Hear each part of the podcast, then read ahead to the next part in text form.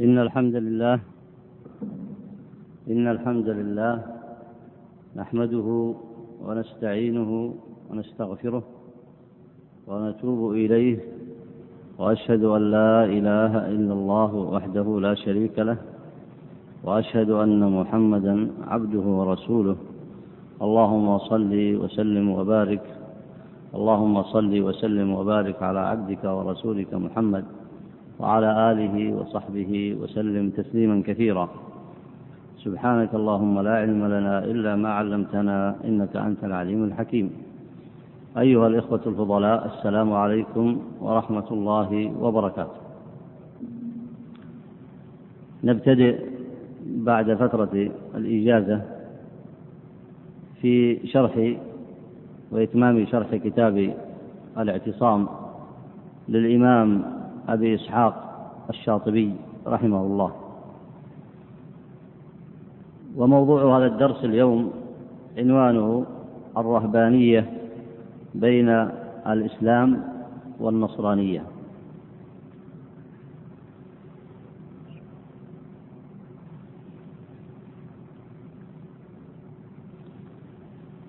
وهو تفسير لقول الله تعالى أعوذ بالله من الشيطان الرجيم. في شأن عيسى عليه السلام ومن اتبعه وجعلنا في قلوب الذين اتبعوه رأفة ورحمة ورهبانية ابتدعوها ما كتبناها عليهم إلا ابتغاء رضوان الله فما رعوها حق رعايتها فآتينا الذين آمنوا منهم أجرهم وكثير منهم فاسقون والمصنف هنا رحمه الله سيورد تفسير هذه الآية كما ورد ذلك عند علماء التفسير. وسيجعل موضوع هذه الآية تطبيقا لما درستموه من قبل في الفرق بين البدعة الحقيقية والبدعة الإضافية. فأول ما سيتحدث عنه المصنف هنا بعد إيراد بعض الآثار حول تفسير هذه الآية سيتحدث عن معنى الرهبانية. والرهبانية لها معنى خاص عند النصارى ولها معنى آخر في الإسلام.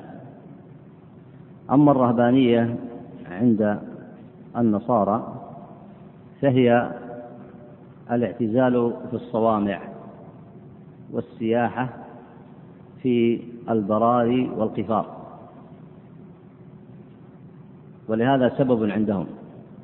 وسيذكر المصنف من الآثار سيذكر حديثا في ذلك وسيذكر آثارا أو يشير إلى بعض الآثار عند المفسرين. كما نقل عن ابن عباس رضي الله عنهما وعن سعيد بن جبير في بيان السبب الذي من أجله ترهبن النصارى. وسيأتي ذكر السبب في ذلك. ثم سنورد لكم الأحاديث في رهبانية هذه الأمة أي الأمة المسلمة. ورهبانيتها كما ورد في الأحاديث هي السياحة وسياحتها في الجهاد في سبيل الله الجهاد في سبيل الله. وقد يقول يسأل سائل فيقول ما الفرق بين هذين النوعين؟ رهبانية النصارى هي الاعتزال في الصوامع والاعتزال في الصحاري. ويكون عمل الإنسان فيها يكون المترهبن فيها والراهب عمله خاصا بنفسه. وقد يكون على في كثير من الأحيان قد يكون على جهل وهو اعتزال فردي يقوم به الإنسان من أتباع النصرانية فيأوي إلى الجبال والكهوف والغيران والصحارى والصحاري ويعتكف على نفسه. والسبب الذي حملهم على ذلك هو البعد عن المعاصي فإنه لما بدل دين النصارى بدلته الملوك وبدله الرهبان فإنهم لما بدلوه غيروا فلما غيروا تركوا ما أمروا به من أمر الله عز وجل. ولما تركوا العمل به انتشرت بينهم المعاصي. ولما انتشرت بينهم المعاصي وكثرت جاء هؤلاء أصحاب القلوب النظيفة فلم يجدوا لهم عملا مع هؤلاء إلا أن يفروا بدينهم ففروا بدينهم ففروا بدينهم. فلما فروا بدينهم فروا به من جماعات الناس ومجتمعاتهم التي ظهرت فيها المعاصي. وآووا بعد ذلك إلى الكهوف وإلى البراري. هؤلاء هم الرهبان عند النصارى أو الرهبانية عند النصارى. وانتهى بهم الأمر كما هو ظاهر إلى أن يكون هناك منهم اعتزال فردي يحافظ الإنسان فيه على ما بقي من دينه ويعتزل الناس. هذه الرهبانية جاء الإسلام فلم يعتبرها فأنكرها. وجعل لهذه الأمة رهبانية من نوع خاص. هذه الرهبانية هي الجهاد في سبيل الله. والسؤال الذي يرد هنا حتى يتبين لكم موضوع هذا الدرس لأن المصنف الشاطبي سيكثر من نقل النصوص وترديد المسائل فيه. فيحسن بطالب العلم أن يدرك أساس هذا الدرس حتى يتفهم كلام المصنف هنا رحمه الله. السؤال الذي يعرض عليكم هنا هو ما وجه الاشتراك بين رهبانية النصارى ورهبانية هذه الأمة؟ السلام ورحمة الله أي نعم.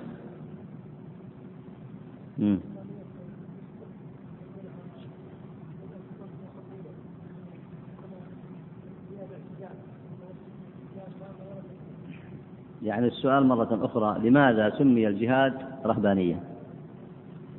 لماذا كما ورد في الحديث رهبانية أمتي الجهاد في سبيل الله.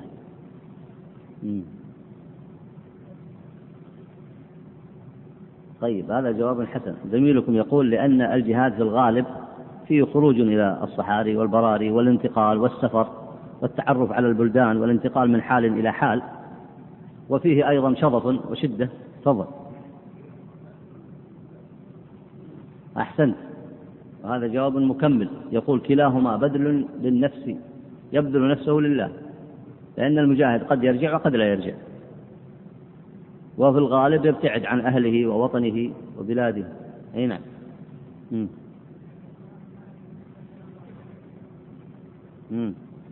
هذه الأجوبة متقاربة. يعني الجهاد كأنه ينقل الإنسان من عالم الدنيا يهيئه لعالم إيش؟ عالم الآخرة لأنه يبتعد عن ماله وولده وبيته وزينة الحياة الدنيا. قد يجد طعاما وقد لا يجد قد يجوع باليوم واليومين يتحمل شظف الحياة. الجهاد له ظروفه. وبعض الأحيان تكون ظروفه قاسية قوية. لكن الفرق بينهما أن الجهاد في الإسلام سمي رهبانية وخص بأحكام تدل على أن نفعه عام للفرد وللمجتمع بل ولعامة البشرية. ينفع الإنسان المجاهد وينفع المسلمين وينفع الكفار لأنه يحمل الخير لهم. لما تقارن بين هذه المقاصد ورهبانية النصارى التي هي الاعتزال في الكهوف تجد الفرق كبير أو لا؟ فرق كبير جدا. ولذلك النبي عليه الصلاة والسلام قال من أراد شيئا يترهب فيه أو يتحنث فيه أو مثلا يتحمل فيه مثل هذه المشاق فليكن فليكن الجهاد.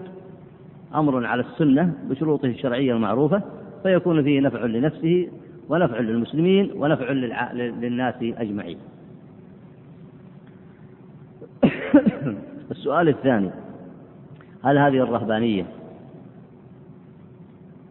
كانت في شريعتهم ثم نسخت؟ يعني كانت في شريعة النصارى ثم نسخت. أو أنهم هم ابتدعوها. تفضل. أي نعم. زميلكم يقول هم ابتدعوها. أي نعم. في جواب آخر؟ مم. نعم. ابتدعوها. ما كتبناها عليهم إلا ابتغاء رضوان الله. فيها قولان لأهل التفسير كما سيأتي. فيها قولان لأهل التفسير منها أنها كتبها الله لهم وكتبها عليهم ثم اشترط عليهم شرطا فيها. وهذا الشرط هو القيام بأمر الله واتباع النبي عليه الصلاة والسلام إذا بعث فيهم وهو النبي محمد صلى الله عليه وسلم. فلم يحققوا الشرط فهو اتباع النبي عليه الصلاة والسلام. ومن مقتضى اتباع النبي عليه الصلاة والسلام من مقتضى اتباع النبي عليه الصلاة والسلام اتباعه في شريعته وشريعته تحرم الرهبانية التي عند النصارى فكان الواجب أن يتبعوه في شريعته فلما لم يصنعوا ذلك ما رعوها حق رعايتها. هذا وجه عند المفسرين. الوجه الثاني أنها لم تكتب أصلا عليهم بل هم ابتدعوها من عند أنفسهم وألزموا أنفسهم بها ثم لم يرعوها حق رعايتها. لعل هذه هذه المقدمة توضح لكم آه، ما يقصد إليه الإمام الشاطبي هنا في تفسير هذه الآية وعرض كلام المفسرين. وعلى هذا سيأتي معكم الكلام في الفرق بين البدعة الإضافية والبدعة الحقيقية. اقرأ بارك الله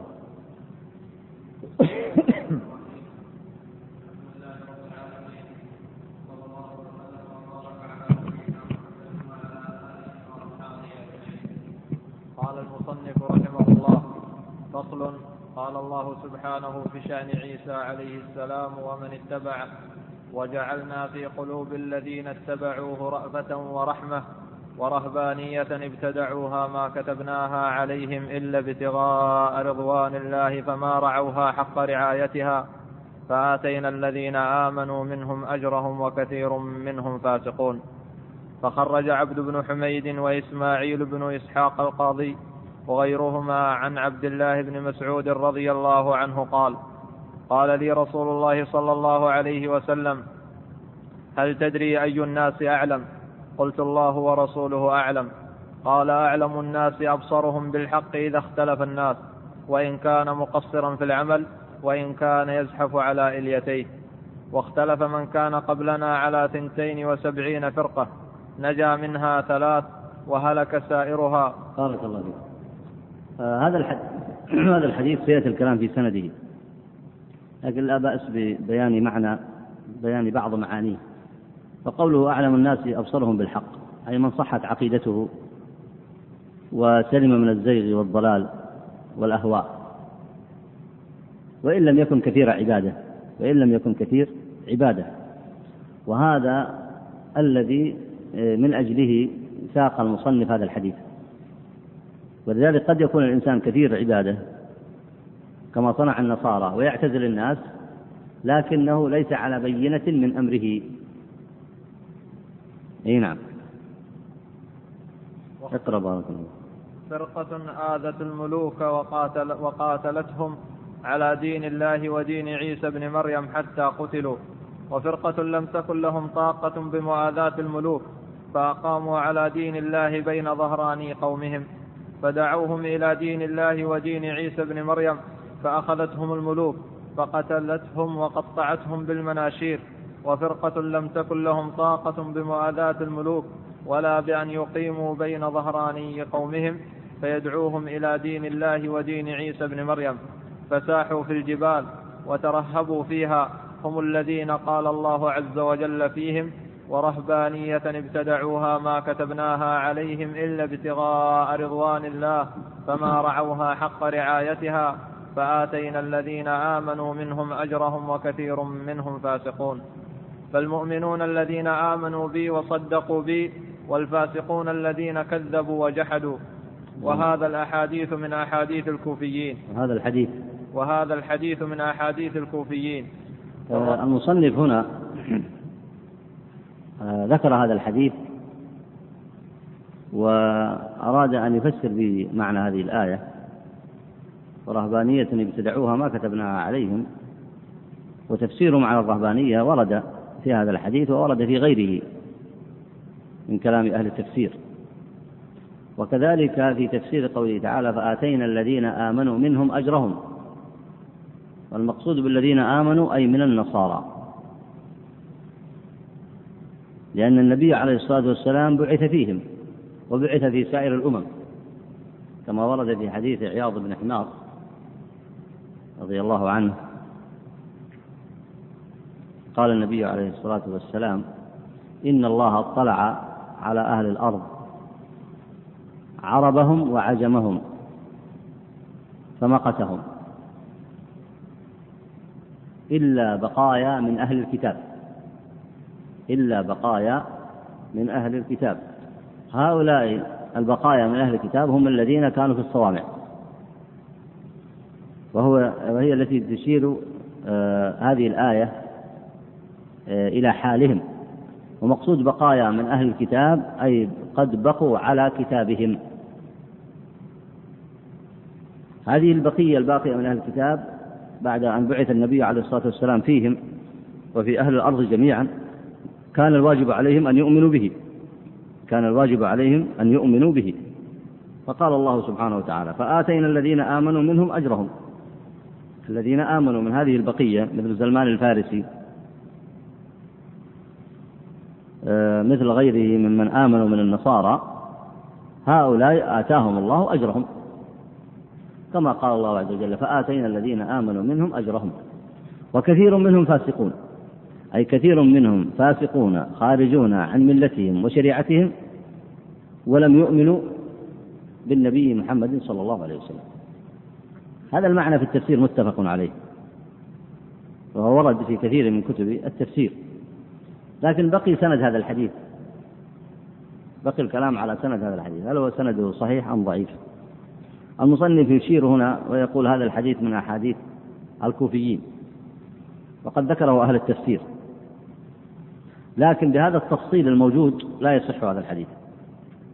يعني بمجموع ما فيه وإلا فإن بعض ما فيه صحيح. فإن ما وقع بين النصارى لا شك أنهم اختلفوا في ذلك. وهناك شواهد كثيرة مثل ما ذكره الله في سورة الكهف. واختلاف الناس على دين الله وبقاء البقية الصالحة من أهل الكهف حتى أنهم آووا إلى الجبال وآووا إلى كهفهم فقالوا ربنا آتنا من لدنك رحمة وهيئ لنا من أمرنا رشدا. فالخلاف واقع بين النصارى بين أهل الحق فيهم وأهل الباطل كما هو واقع بين هذه الأمة. فلكن هذا الحديث بهذا التفصيل ليس له سند صحيح. ولعل المصنف لما قالوا هذا الحديث من أحاديث الكوفيين وسنده آه، كما رواه أبو يعلى وغيره عن آه، شيبان بن فروخ عن الصعق بن حزم عن شيخه عقيل الجعدي عن أبي إسحاق الهمداني عن سويد هذا سنده المذكور في كتب الحديث والمذكور في كتب التفسير. وعلته كما ذكر أهل الاختصاص أن الصعق بن حزم يرويه عن شيخه ابن عقيل. وشيخه ابن عقيل الجعدي هذا قال البخاري عنه إنه منكر الحديث. إنه منكر الحديث.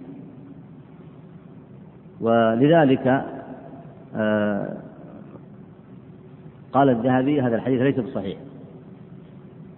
وإن كان بعض آه أصحاب الحديث حاولوا تخريجه من باب دعم سنده بطرق أخرى.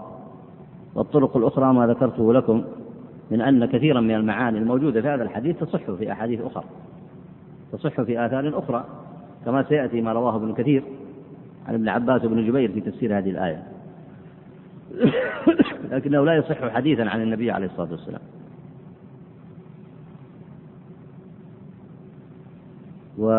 ولهذا قال الحاكم صحيح الإسناد. لكن الصحيح كما قال الذهبي تعقب الحاكم في ذلك أن الصعق بن حزم يرويه عن شيخه عقيل الجعدي وعقيل هذا كما قال البخاري منكر الحديث. أي نعم. وكما تعلمون أن الحديث إذا ضعف ضعف سنده واجتمعت فيه معاني كثيرة لا يقتضي أن كل ما ورد فيه باطل.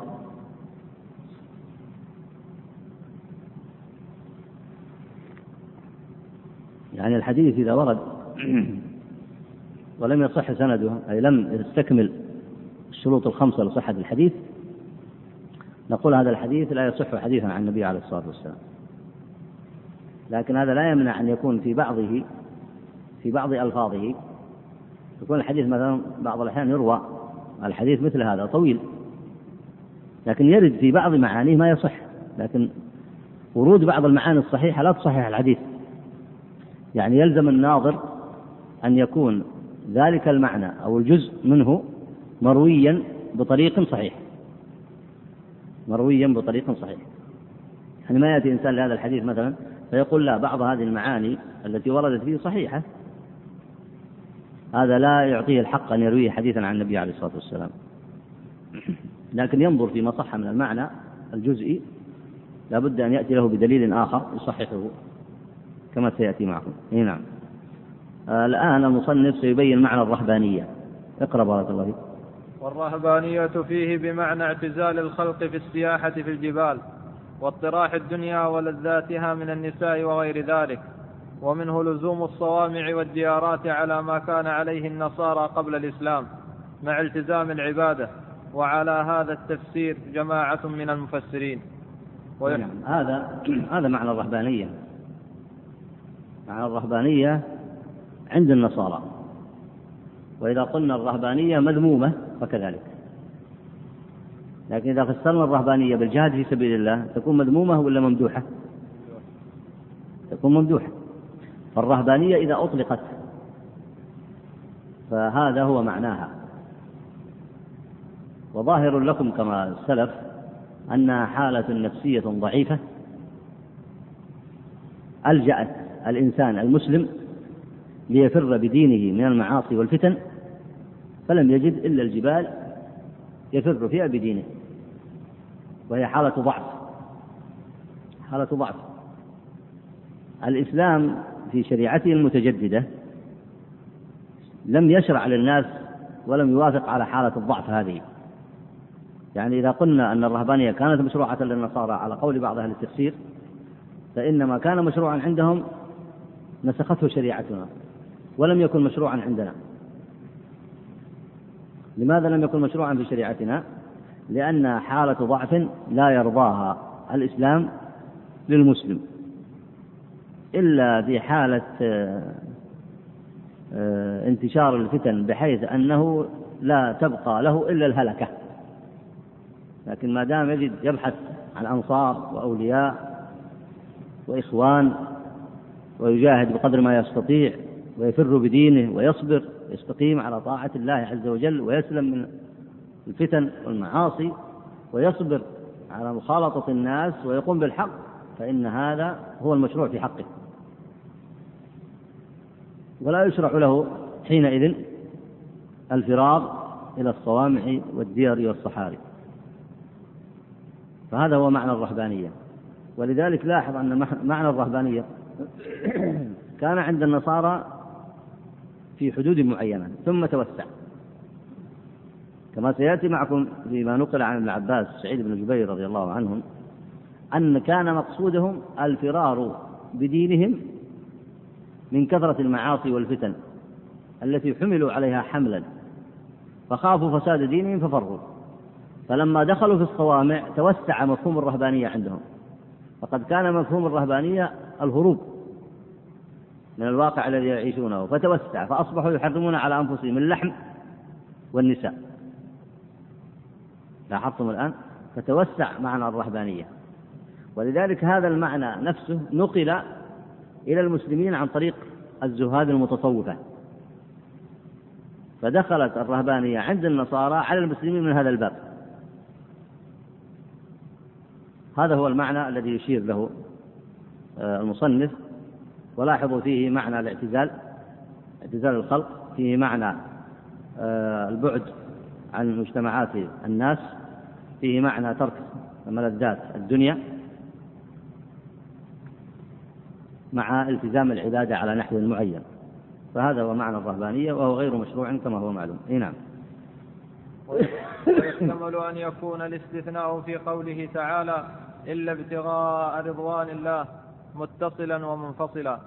فإذا بنينا على الاتصال فكأنه يقول ما كتبناها عليهم إلا على هذا الوجه الذي هو العمل بها ابتغاء رضوان الله.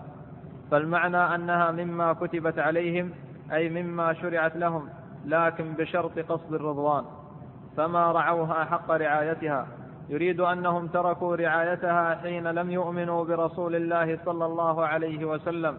وهو قول طائفة من المفسرين لأن قصد الرضوان إذا كان شرطا في العمل بما شرع لهم فمن حقهم أن يتبعوا ذلك ذلك القصد.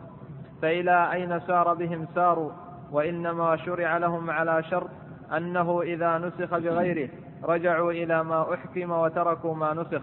وهو معنى ابتغاء الرضوان على الحقيقة. فإذا لم يفعلوا وأصروا وهو معنى ابتغاء. وهو معنى ابتغاء الرضوان على الحقيقة فإذا لم يفعلوا وأصروا على الأول كان ذلك اتباعا للهوى لا اتباعا للمشروع. واتباع المشروع هو الذي يحصل به الرضوان وقصد الرضوان بذلك. قال تعالى فآتينا الذين آمنوا منهم أجرهم وكثير منهم فاسقون. فالذين آمنوا هم الذين اتبعوا الرهبانية ابتغاء رضوان الله. والفاسقون هم الخارجون عن الدخول فيها بشرطها إذ لم يؤمنوا برسول الله صلى الله عليه وسلم. بارك الله فيك. المصنف هنا سيذكر معنيين لهذه الآية على اعتبار هل الإسناد على الاستثناء هنا متصل أو منقطع.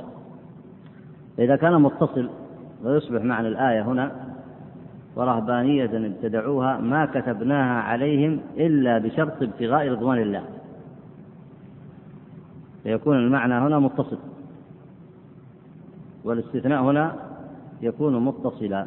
ورهبانية ابتدعوها ما كتبناها عليهم إلا بشرط ابتغاء رضوان الله فما رعوا حق هذا الشرط.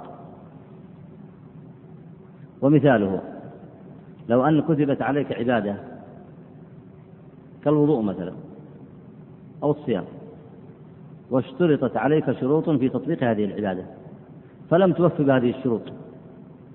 تكون قد وفيت ابتغيت رضوان رضوان الله أو خالفت.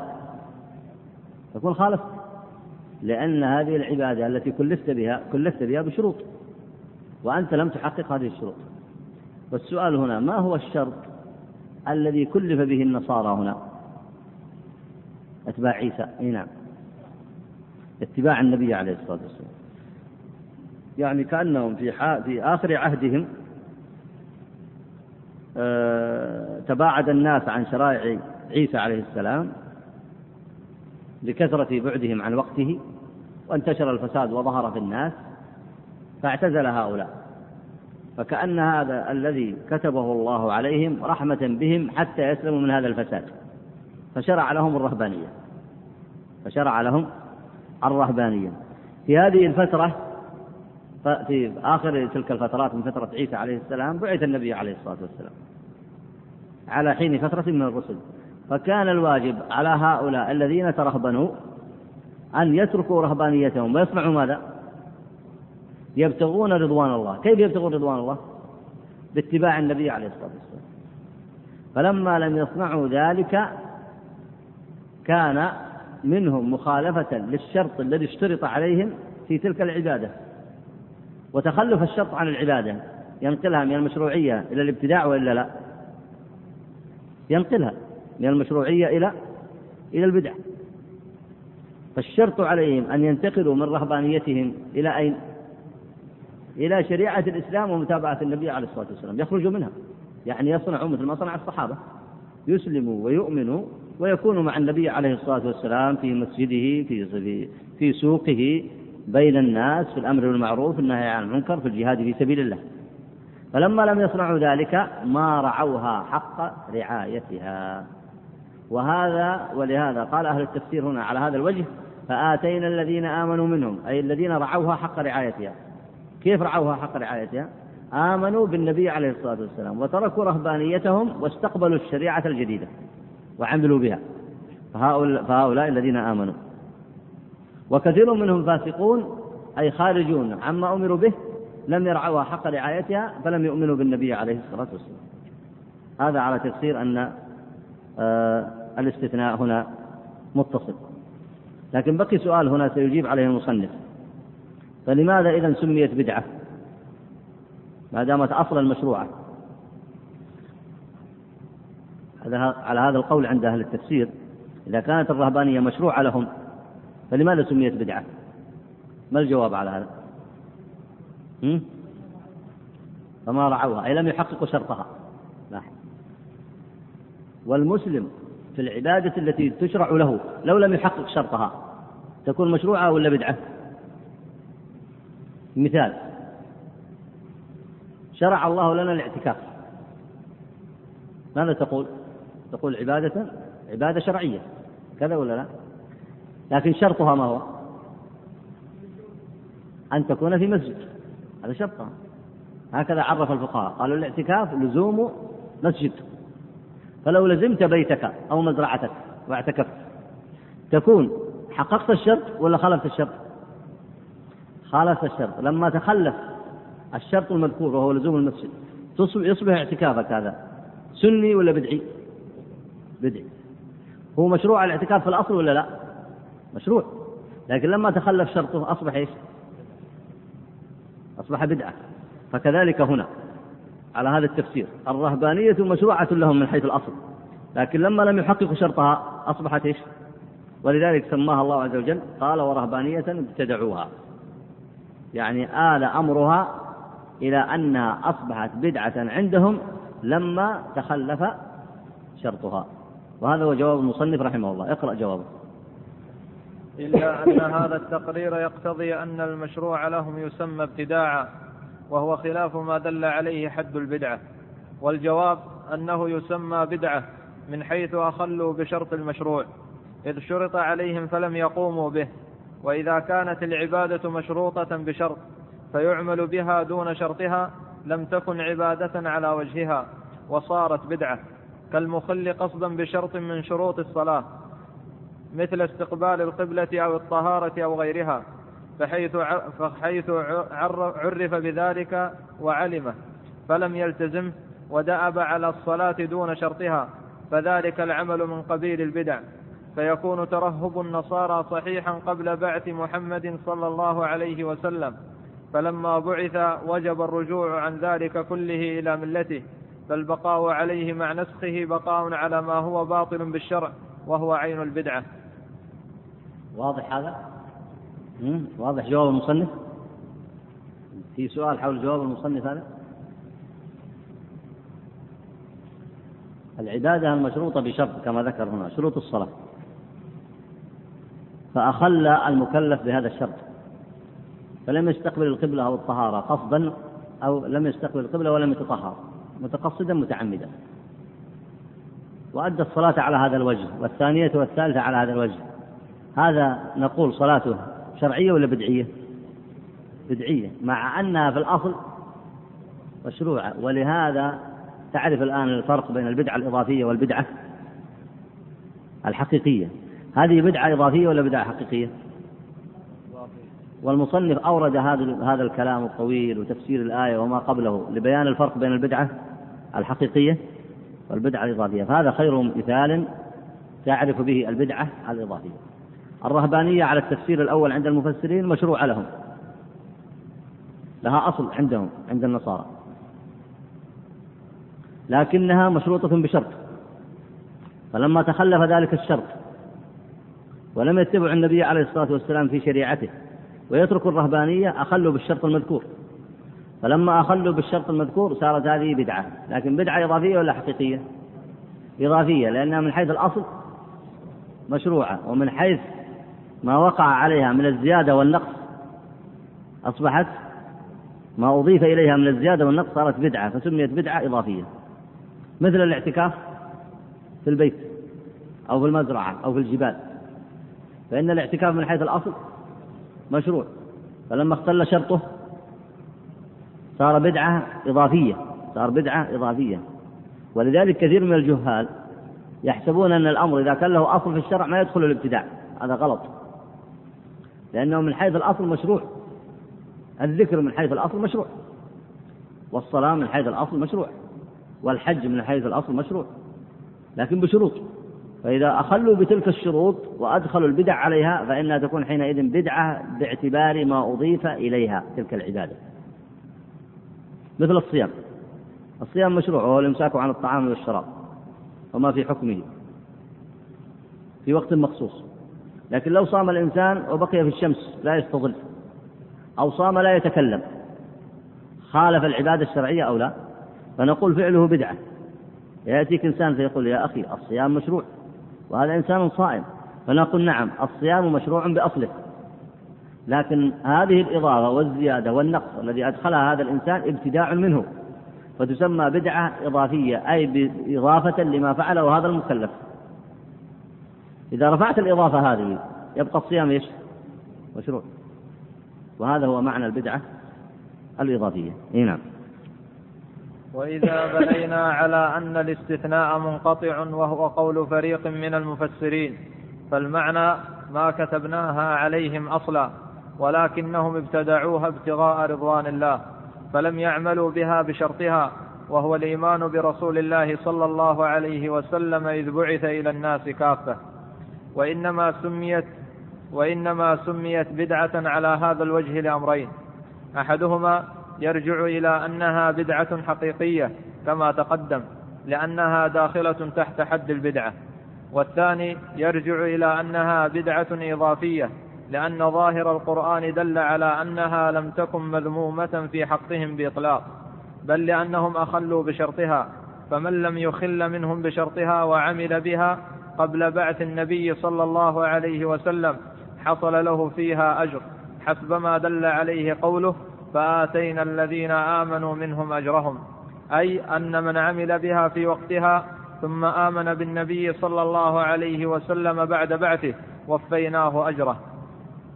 وإنما قلنا إنها في هذا الوجه إضافية لأنها لو كانت حقيقية لخالفوا بها شرعهم الذي كانوا عليه لأن هذا حقيقة البدعة فلم يكن لهم بها أجر بل كانوا يستحقون العقاب لمخالفتهم لأوامر الله ونواهيه فدل على أنهم ربما فعلوا ما كان جائزا لهم فعله وعند ذلك تكون بدعتهم جائزا لهم فعلها فلا تكون بدعتهم حقيقية لكنه ينظر على أي معنى على أي معنى أطلق على أي معنى أطلق عليها أطلق عليها لفظ البدعة. وسيأتي بعد بحول الله. طيب قبل أن يأتي من يستطيع يذكر الجواب؟ لماذا سميت بدعة. لماذا أطلق عليها لفظ البدعة؟ وقد سبق الكلام في هذا. نعم. أصلا هي ابتدعوها هذا على أن يكون على على أحد التفسيرين أنها ليست مشروعة لكن على التفسير الثاني أنها كانت مشروعة لهم كيف تسميها بدعة؟ أحسنت فهي قد تسمى بدعة من وجهين إما أن تكون ليست بدعة أن تكون بدعة حقيقية ليست مشروعة أصلا لهم فتسمى بدعة بلا شك ويكون معناها هنا إيش؟ الاختراع وينطبق عليها تعريف البدعة الأصلي الذي ذكره في أول الكتاب وإما أن تكون من حيث الأصل مشروعة فتسمى بدعة بالإضافة. طيب إذا قلنا أنها من حيث الأصل مشروعة ما وجه الذم عليها؟ هل الذم عليها من وجه واحد أو من وجهين؟ أو قد لا يلحق بها ذم من يستطيع يجيب على هذا السؤال؟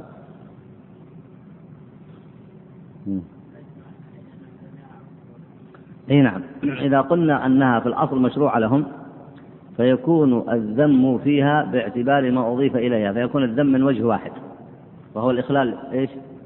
بشرطها. ويكون ذم مطلق وإلا لصنف معين. من هو؟ من هم هؤلاء؟ الذين أخلوا بشرطها ولم يتبعوا النبي عليه الصلاة والسلام. لكن الذي اتبعوا النبي عليه الصلاة والسلام وتركوها هؤلاء ليسوا مذمومين. فيبقى عندك الذين لم يتبعوه وذكر ابن كثير أنه على التفسير الأول وهو أنهم ابتدعوها في دينهم أصلا ليست مشروعة لهم فيكون الذم من وجهين من يستطيع يذكره؟ تفضل الذي اشترطوه على أنفسهم إيه؟ فيكون الذم من وجهين. الذم أنهم ألزموا أنفسهم ببدعة لم يشرعها الله. ثم بعد ذلك أخلوا بما ألزموا أنفسهم به.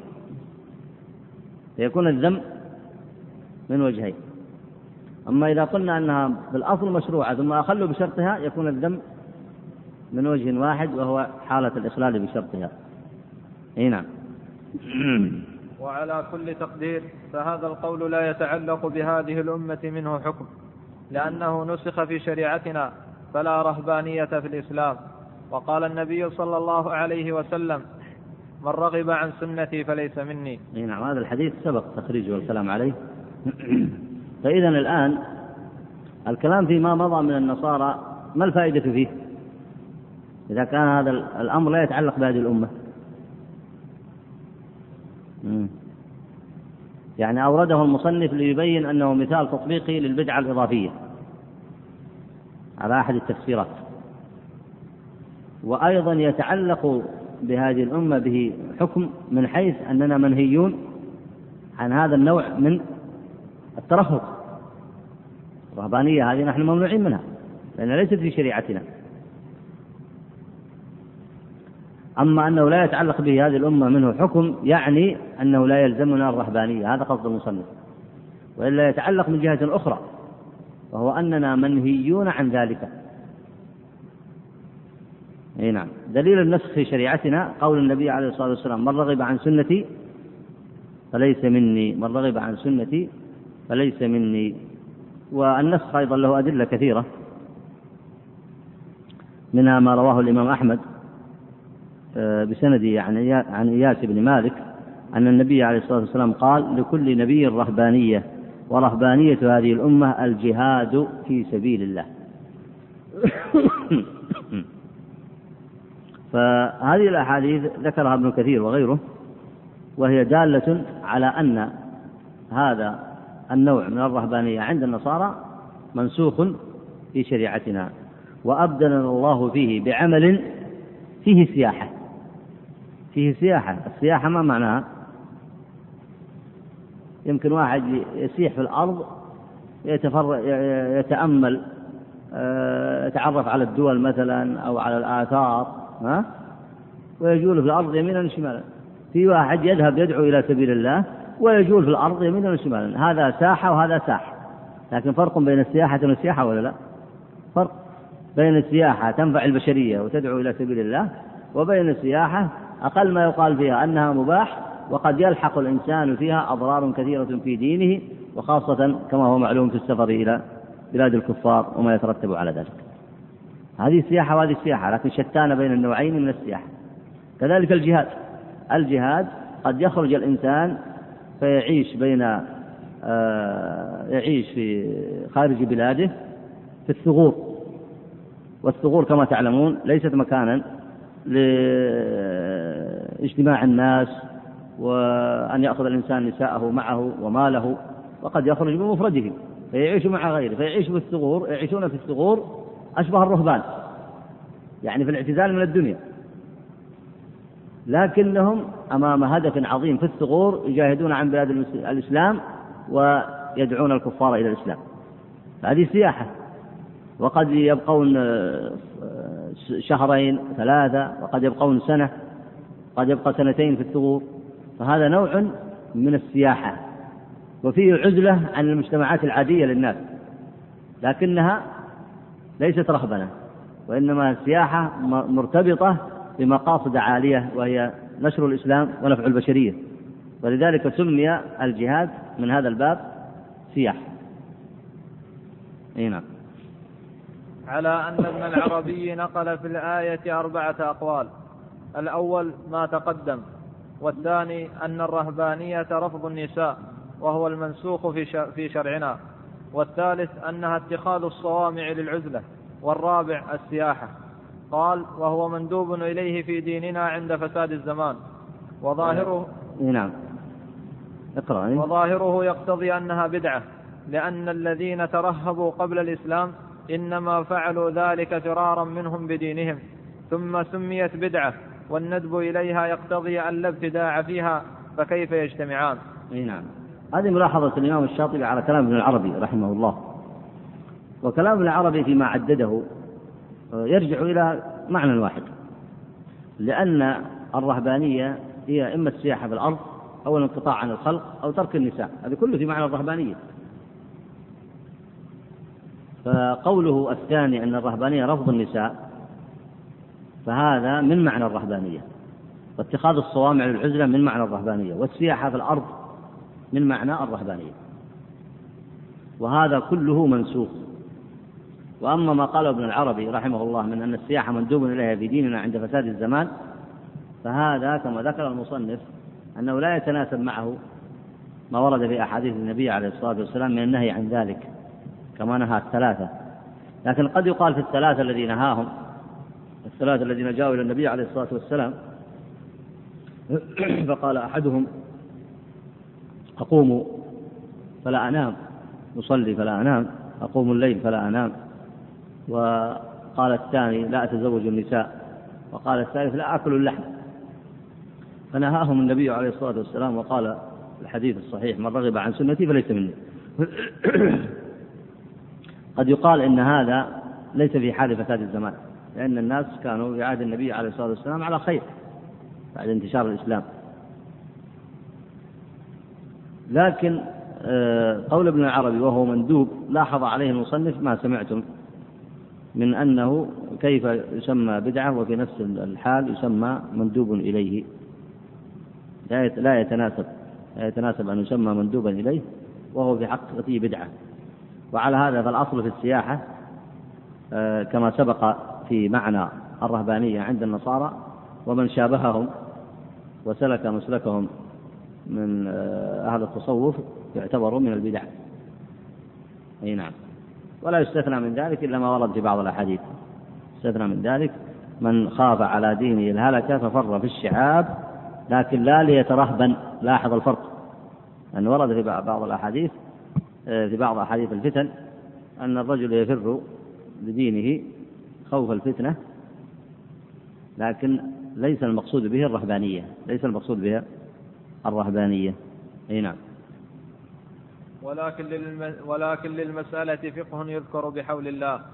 وقيل إن معنى قوله إن معنى قوله تعالى ورهبانية إن معنى قوله تعالى. أي نعم. إن معنى قوله تعالى ورهبانية ابتدعوها أنهم تركوا الحق وأكلوا لحوم الخنازير وشربوا الخمر ولم يغتسلوا من جنابه وتركوا الختان.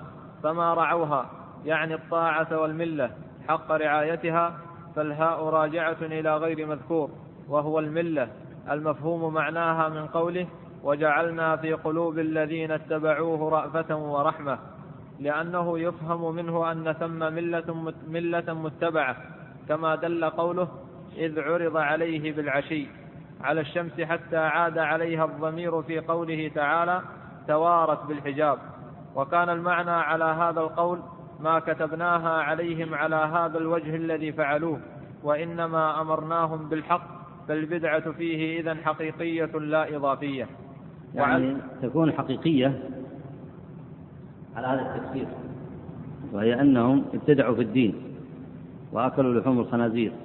وشربوا الخمر على وجه العبادة ولم يغتسلوا من جنابة وتركوا القتال. هذه تكون البدع حينئذ إيش؟ حقيقية ولا إضافية؟ حقيقية. وعلى هذا تفسير الآية على هذا المعنى ورهبانية ابتدعوها. ما كتبناها عليهم إلا ابتغاء رضوان الله فما رعوها. ما رعوها الضمير يرجع إلى الملة التي أمرهم الله بلزوم شريعتها. الملة هي الإسلام. لأن عيسى عليه السلام جاء بالإسلام. وجاء لهم بشرائع منها الختان ومن الاغتسال من الجنابة وتحريم شرب الخمر. وكل ذلك خالفوا عنه. فكأنهم بذلك فهم بذلك خالفوا الإسلام. وما رعوها يعني الطاعة والملة. لكن ما وجه هذا التفسير؟ لأن في العادة أن التفسير آه، في رعوها الضمير يرجع إلى أمر سابق. فلفظ الملة أين ذكر؟ أين ذكر لفظ الملة؟ مم.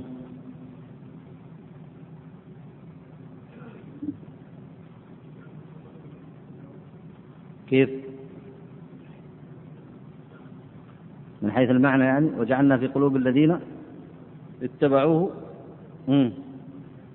رأفة ورحمة وش معنى رأفة ورحمة رأفة أي خشية لأنهم لزموا الإسلام ورحمة بالخلق. على هذا يكون الضمير راجع للمعنى أي للشريعة التي كانوا عليها للملة التي كانوا عليها. ولما خالفوا الملة التي كانوا عليها اعتبرت هنا أن هذه البدعة ليست بدعة إضافية بل هي بدعة حقيقية لأن الرهبانية ليست موجودة فيها أصلا. وهذا نظيره هذا نظيره كما ذكر المصنف هنا آه، في قصة داود وسليمان في قول الله تعالى ووهبنا لداود سليمان. نعم العبد إنه أواب. إذ عرض عليه بالعشي الصافنات الجياد. العشي معروف وهو آخر النهار. والمقصود بالعشي هنا يعني حال ظهور الشمس. حال ظهور الشمس. لأن إذا غربت الشمس لا يطلق على الوقت بأنه عشي. لا يطلق على الوقت بأنه عشي بل يقال غروب. بل يقال الشمس تضيفت للغروب ويسمى ما بعد ذلك غروب وهو أول الليل. فلا يسمى عشيا إلا إذا كانت الشمس لم تغرب. فهنا قال الله عز وجل إذ عرض عليه بالعشي الصافنات الجياد الصافنات الخير الجيدة. فقال فانشغل بها. انشغل بها سليمان عليه السلام. فقال إني أحببت حب الخير والخيل تسمى خير كما ورد في الحديث. فقال إني أحببت حب الخير عن ذكر ربي حتى توارت بالحجاب. الضمير يرجع إلى أي شيء هنا؟ للشمس وإلا للخير هنا الضمير الظاهر وإن كان هناك أقوال عند المفسرين لكن هنا حتى توارت بالحجاب يرجع للشمس. فين مذكورة الشمس؟ الشمس ما ذكرت. فين تكون مذكورة؟ أحسنت. تكون مذكورة متضمنة في معنى العشي. فهنا فما رعوها الضمير يرجع في رعوها إلى أي شيء؟ إلى الملة. الملة لم تذكر صراحة لكن ذكرت متضمنة. ذكرت متضمنة في الآيات التي قبلها. وعلى هذا هنا حتى توارت بالحجاب أي الشمس فقال عليه السلام ردوها علي. الضمير يرجع إلى أي شيء؟ ردوها هنا إلى الخير فطفق مسحا بالسوق والأعناق. أي أنه طاعة لله وشكرا لله تخلص مما أشغله عن طاعة الله. هذا هو معنى الآية وهذه المجانسة بين التفسيرين في قوله تعالى فما رعوها وفي قوله ردوها علي. نعم وعلى كل تقدير فهذا الوجه هو الذي قال به أكثر العلماء فلا نظر فيه بالنسبة إلى هذه الأمة وخرج كم بقي كم بقي من الوقت؟ ترون نكتفي بهذا؟ هم؟ طيب نكتفي بهذا ونستكمل بعد ذلك آه الكلام كلام المصنف في هذا الموضع آه ونصلي ونسلم على نبينا محمد وعلى آله وصحبه أجمعين.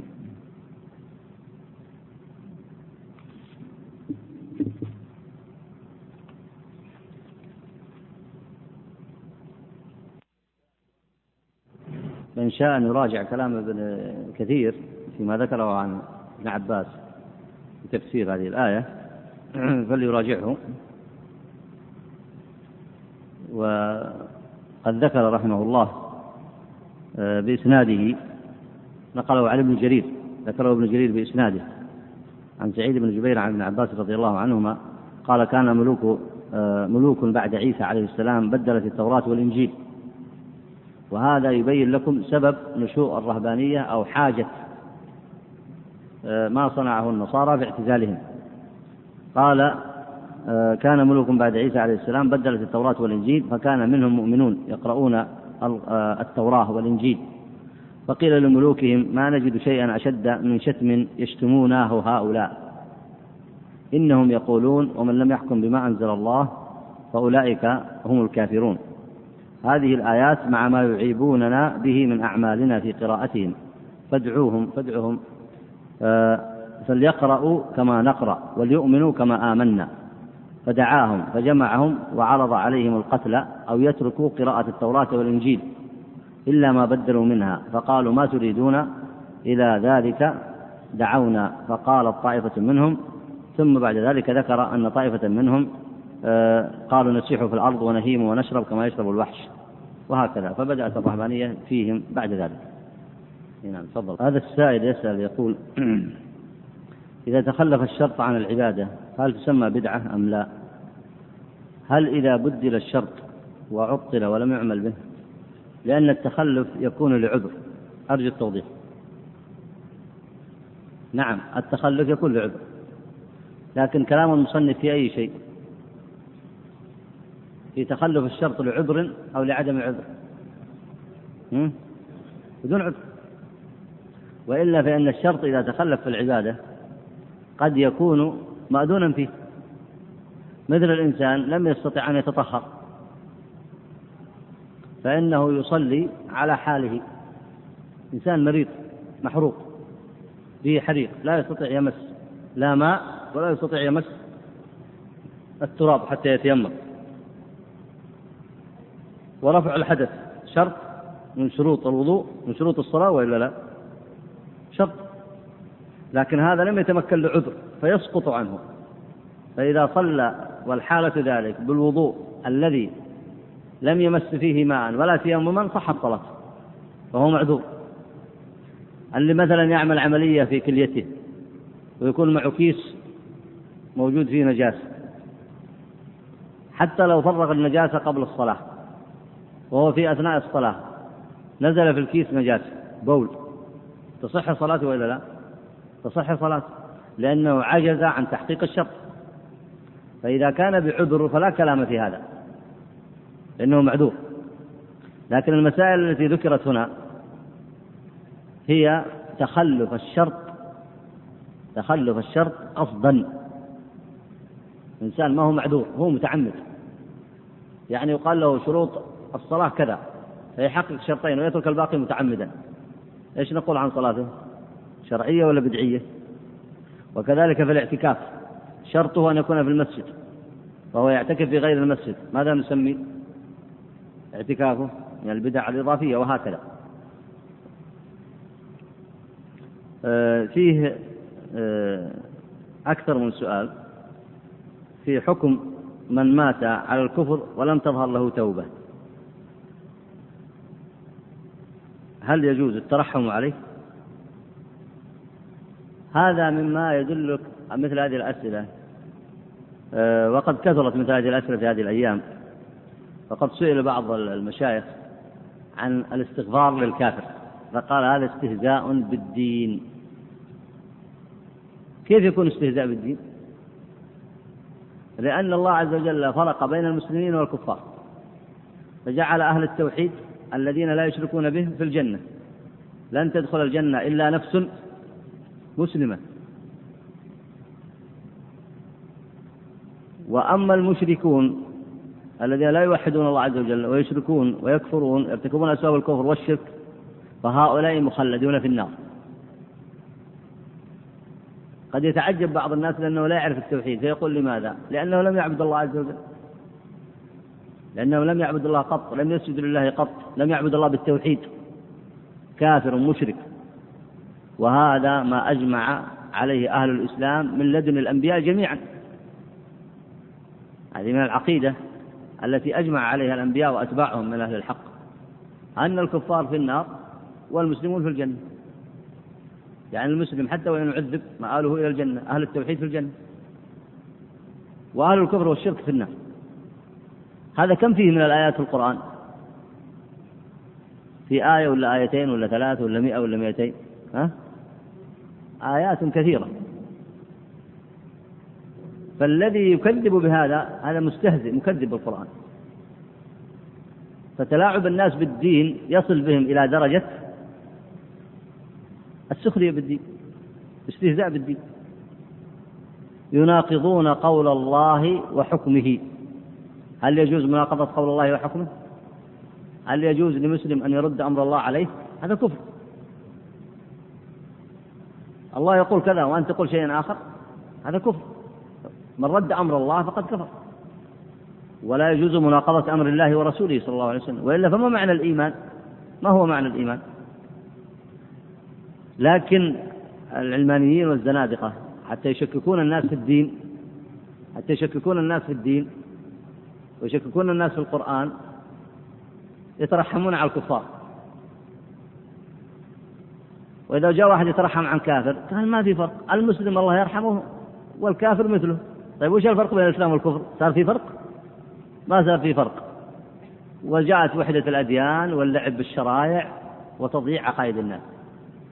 فالقضية لا تحسبونها قضية ذاتية مختصة بموضوع أو بحدث معين. هذا توجه موجود عند المنحرفين والملاحدة يضحكون به على ضعفاء الإيمان من المسلمين وعلى الجهال. ويتخذون مثل هذه الأحداث رمز للتشكيك الناس في دينهم لكن لولا ضعف الاعتقاد ما ما يعني لا لا يأتي إنسان فيقول هل الكافر يجوز أحد يترحم عليه؟ الكافر معرض للعقوبة مخلد في النار بسبب ماذا؟ بسبب كفره وجحوده وعدم متابعته الاسلام وعدم قبوله لشرائع الإسلام وعدم آه، إيمانه بالنبي عليه الصلاة والسلام ومن فرق بين الأنبياء لم يؤمن بالأنبياء كلهم. يعني لو جاء أحد واحد الآن يؤمن بالنبي عليه الصلاة والسلام فقال أنا سآتي بنبي وأستثنيه من سائر الأنبياء هذا لن أؤمن به فهو كافر عندنا وإن كان في أصله مسلم. وإن كان قال أنا أؤمن بمحمد وإن كان يتعبد في المسجد. لكن فرق بين الأنبياء ولم يؤمن بأحد الأنبياء لم يؤمن بعيسى مثلا.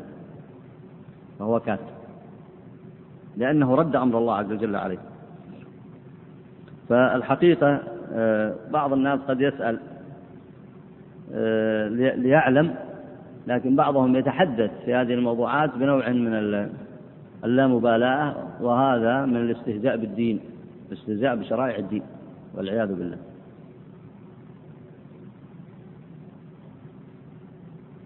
إي نعم. تفضل.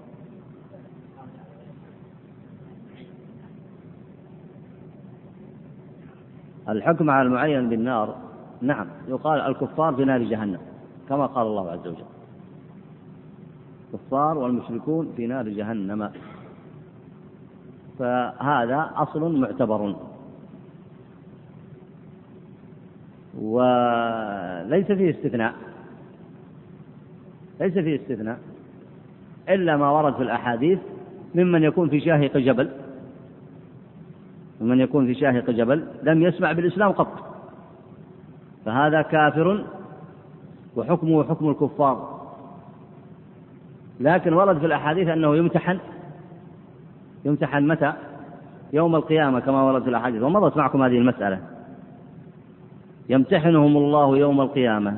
يأتي الرجل الخرف الذي لا يفهم فيقول يا رب قد خرفت وجاء نبيك وأنا لا أعلم ما يقول.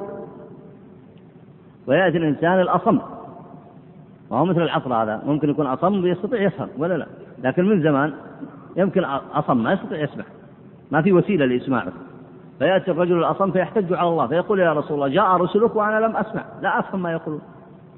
فهؤلاء يمتحنهم الله يوم القيامة. فإن أجابوا دعاء الله كانوا مسلمين فيدخلون الجنة. وإن رفضوا كانوا كفارا فيدخلون النار. لكن هم عندنا كفار مشركين. لكن عذابهم في الآخرة مبني على إعلامهم من الله بالحق لأنهم لم يعلموا لكن مثل الصور المذكورة هؤلاء يسمعون الإسلام ويطلعون عليه وقرأوا أخباره وسمعوا بالنبي عليه الصلاة والسلام. هذه ظهرت الحجة هذه كلام. فمن سمع بالنبي عليه الصلاة والسلام فلم يؤمن فهو كافر. ومخلد في النار.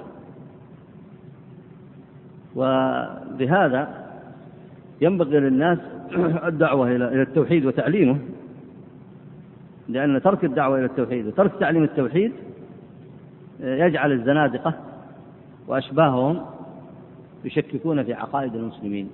والله عز وجل يقول أفنجعل المسلمين كالمجرمين؟ ما لكم؟ كيف تحكمون؟ أم لكم كتاب فيه تدرسون؟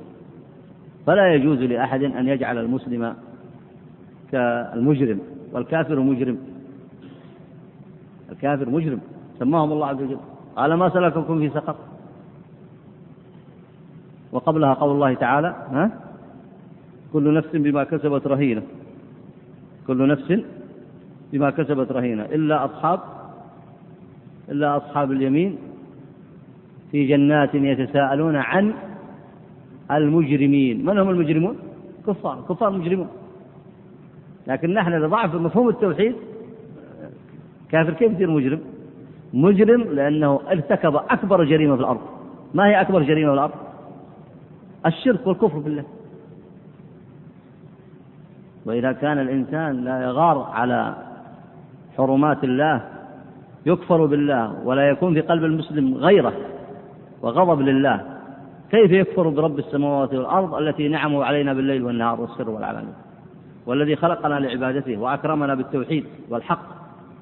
وخلقنا ليكرمنا بالشريعة وبالإسلام وبالدين.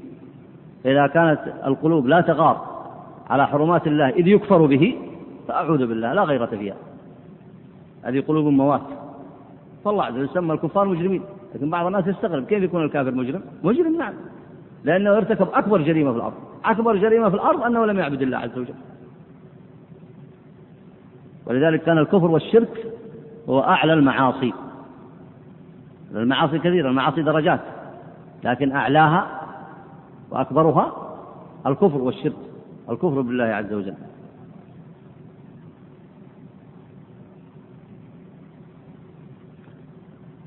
ما ورد في بعض الأحاديث حيثما مررت بقبر كافر فبشره بالنار. هذا المعنى صحيح. هذا المعنى صحيح. لأن الله قال بشر المنافقين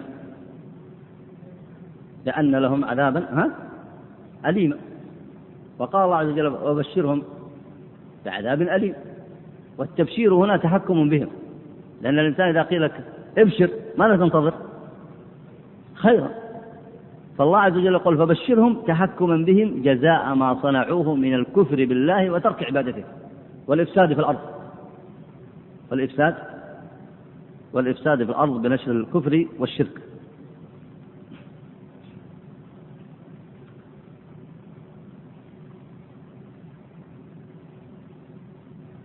هنا. هذا يسأل عن الميكروفون في الصلاة. والفرق بين البدعة الإضافية والمصلحة المرسلة. آه، في الأمور العادية كما سبق ما تدخل البدع. الأمور العادية مثل الوسائل المتاحة من الأمور العادية هذه كالمركوبات والمأكولات وغيرها لا تدخلها البدع. أي نعم إلا إذا تعلقت بها عبادات إلا إذا تعلقت بها أمور عبادية. يقول هذا الإنسان أحرم بعمرة وعقد النية ثم عدل عنها بعد عقد النية ودخل وحل إحرامه فماذا عليه؟ وإذا كانت امرأة وحصل لها الجماع فماذا عليها؟ هذا الجواب كما ذكر أهل العلم أن النية لا ترفض يعني نية الإحرام ما ترفض يعني حتى لو رفضتها أنت ما تتغير يعني أنا لبست إحرامي فبدا لي أن أخرج من الإحرام. إنسان آخر لبس إحرامه فخرج من إحرامه هذا ما يمكن ما نقول خرج من حكم الإحرام. حكم الإحرام يلزمه. فإذا قلت ماذا نصنع به؟ نقول عد إلى إحرامك. فإذا قلت إذا لم يعد فنقول آثم وتبقى عليه أحكام الإحرام. فما ترفض ما يمكن رفضها. لقول الله تعالى وأتموا الحج والعمرة لله. إذا دخل في عبادة الحج والعمرة لا بد أن يتمها. فإذا قيل عصى رفض الإحرام رماه فنقول آثم فإذا سأل سائل قال ماذا نصنع به؟ نقول أنت تحت أحكام الإحرام حتى تتوب وترجع. فإذا قال كيف أرجع؟ يقال له البس إحرامك وتوب إلى الله وأتم ما بدأته. إي نعم. وإذا ارتكب محظورات يتحمل مسؤوليته كما هو معلوم في محظورات الإحرام.